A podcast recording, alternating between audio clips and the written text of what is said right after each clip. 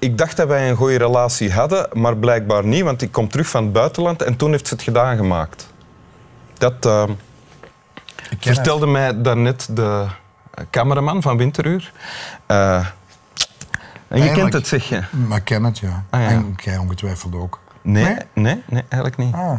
Maar- Daardoor ga ik nu ook niet meer op vakantie. Eigenlijk omdat... Zonder uw lief. Nee, gewoon überhaupt niet. Ah, nee. Om te vermijden dat dat toestand... Ja. Oké. Stijn Meuris is mijn gast in Winteruur. Het fenomeen eh Stijn Meuris. Een eh, enorme bundeling van energieën en krachten die samenkomt in één mens en die er eh, langs alle kanten uitspat.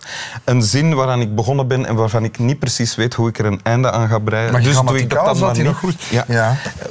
Je hebt Bomans meegebracht? Ja.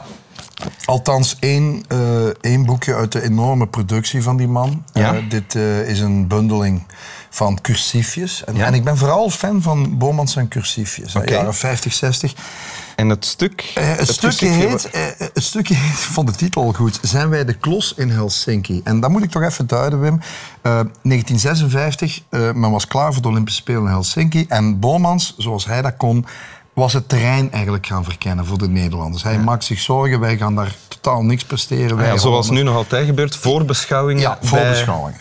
En, Wat zijn en- onze kansen daar? ja, die waren in het geval van Holland volgens hem eh, onnoemelijk klein. Oké. Ehm, en, en een heel klein stukje. Het is, het is, ik vind het heel tof. Hij, Waarin de, de kansen van Ja. de Nederlanders worden gewikt en Hij heeft er al een aantal gedaan en uiteindelijk komt hij eh, bij de Russen eigenlijk en, en meer bepaald bij de Balten. Ja. Een andere springer in Rusland is de atleet Snertkov.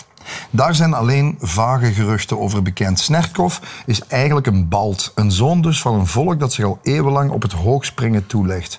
Hoe hoog springt eigenlijk een gemiddelde Balt? Ik bedoel dit, als u daar op straat een doorsnee Balt tegenkomt en u vraagt hem langs uw neus weg, springt u eens. Hoe hoog komt dan zo'n man? Kijk, daar weten wij niks van. Wel weten we iets over de voeding van dat volk.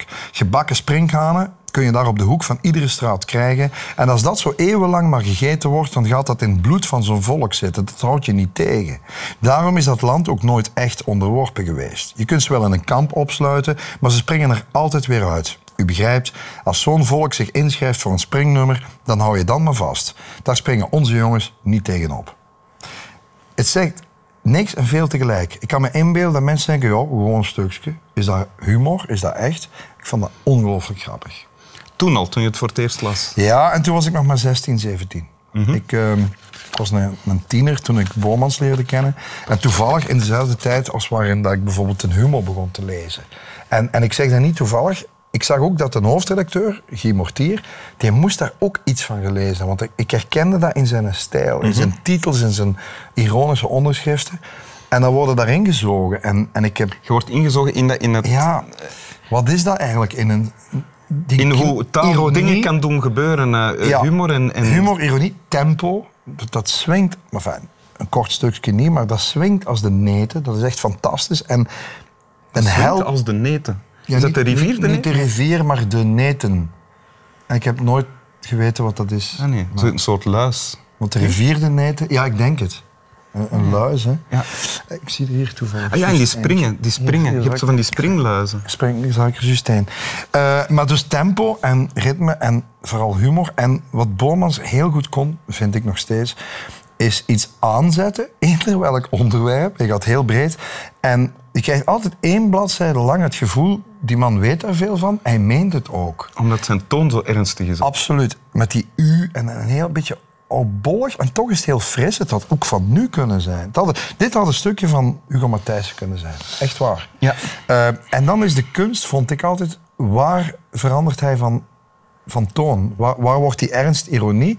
Waar gaat hem de bocht uit zo? En dat vind ik Hier, hier in dit stukje, want het is natuurlijk maar een fragment uit een stuk dat je kiest. Ja. Mhm. Maar als ik luister en dan hoor ik een andere springer in Rusland is de atleet Snertkov. Dat zou nog kunnen. Snertkov klinkt al een beetje verdacht van, Ja. maar ja, het zou kunnen. Een balt, een balt klinkt ook grappig, maar de Baltische staten. Die maakten toen deel uit van wat toen eh, Sovjet-Unie. Sovjet-Unie was.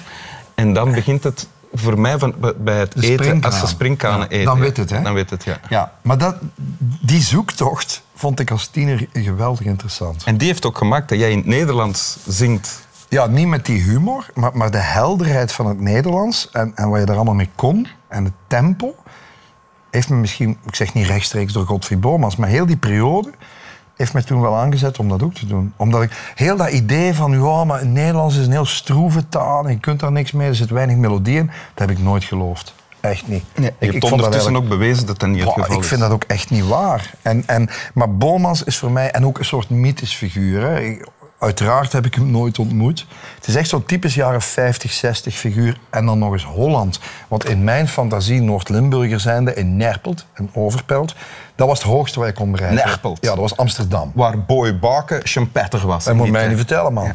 En, en Sus Resort, de turnleraar van het college. Het einde van de tekst. Het einde van de Kijk, tekst. u begrijpt, als zo'n volk zich inschrijft voor zo'n springnummer, hou je dan maar vast, daar springen onze jongens niet tegenop. Dat is het gevoel van iemand die deel uitmaakt van een klein volk, dat gaat Ja. deelnemen aan Olympische Spelen, waar alle landen van de hele wereld aan meedoen, en die eigenlijk al zegt van als we hier of daar een halve medaille halen, dan mogen we al gelukkig Zeer interessant dat je dat zegt, want kortom, wat toen in Nederland heerste, heerst nu bij ons.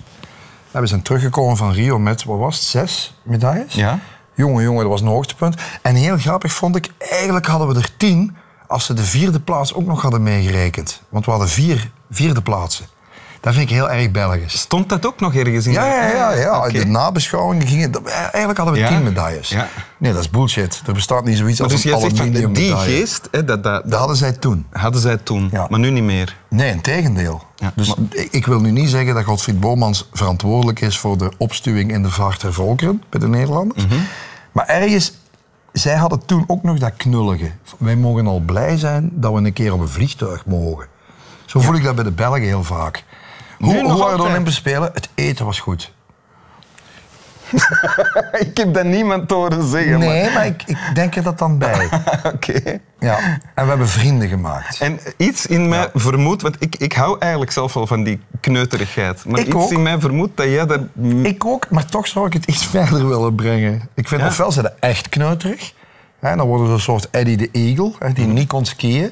En dan wordt Ja. ook een soort volksheld.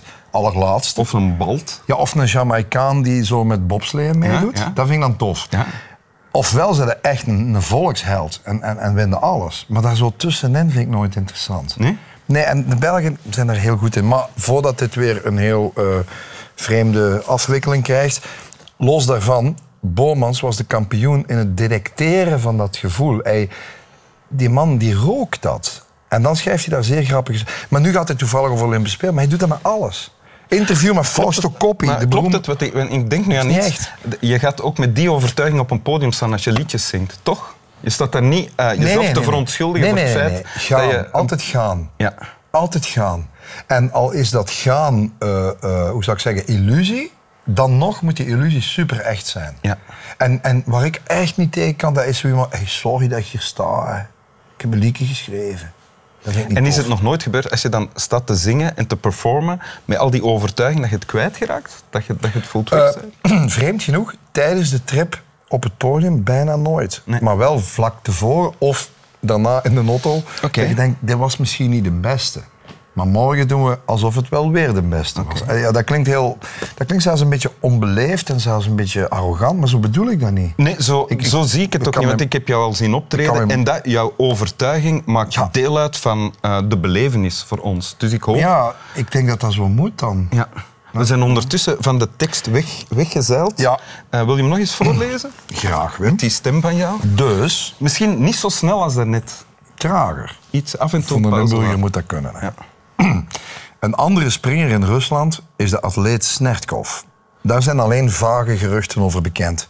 Snertkov is eigenlijk een balt. Een zoon dus van een volk dat zich al eeuwenlang op het hoogspringen toelegt. Hoe hoog springt eigenlijk een gemiddelde balt? Ik bedoel dit.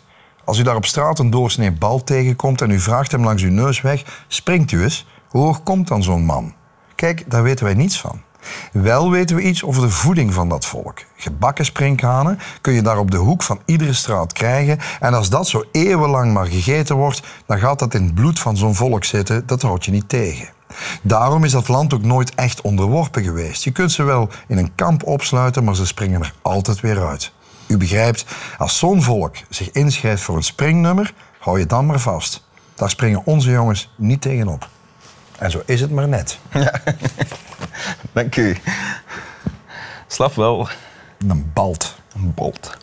kunt ze in een kamp opsluiten. Maar altijd weer Ze springen er altijd weer. baltsgedrag, hè.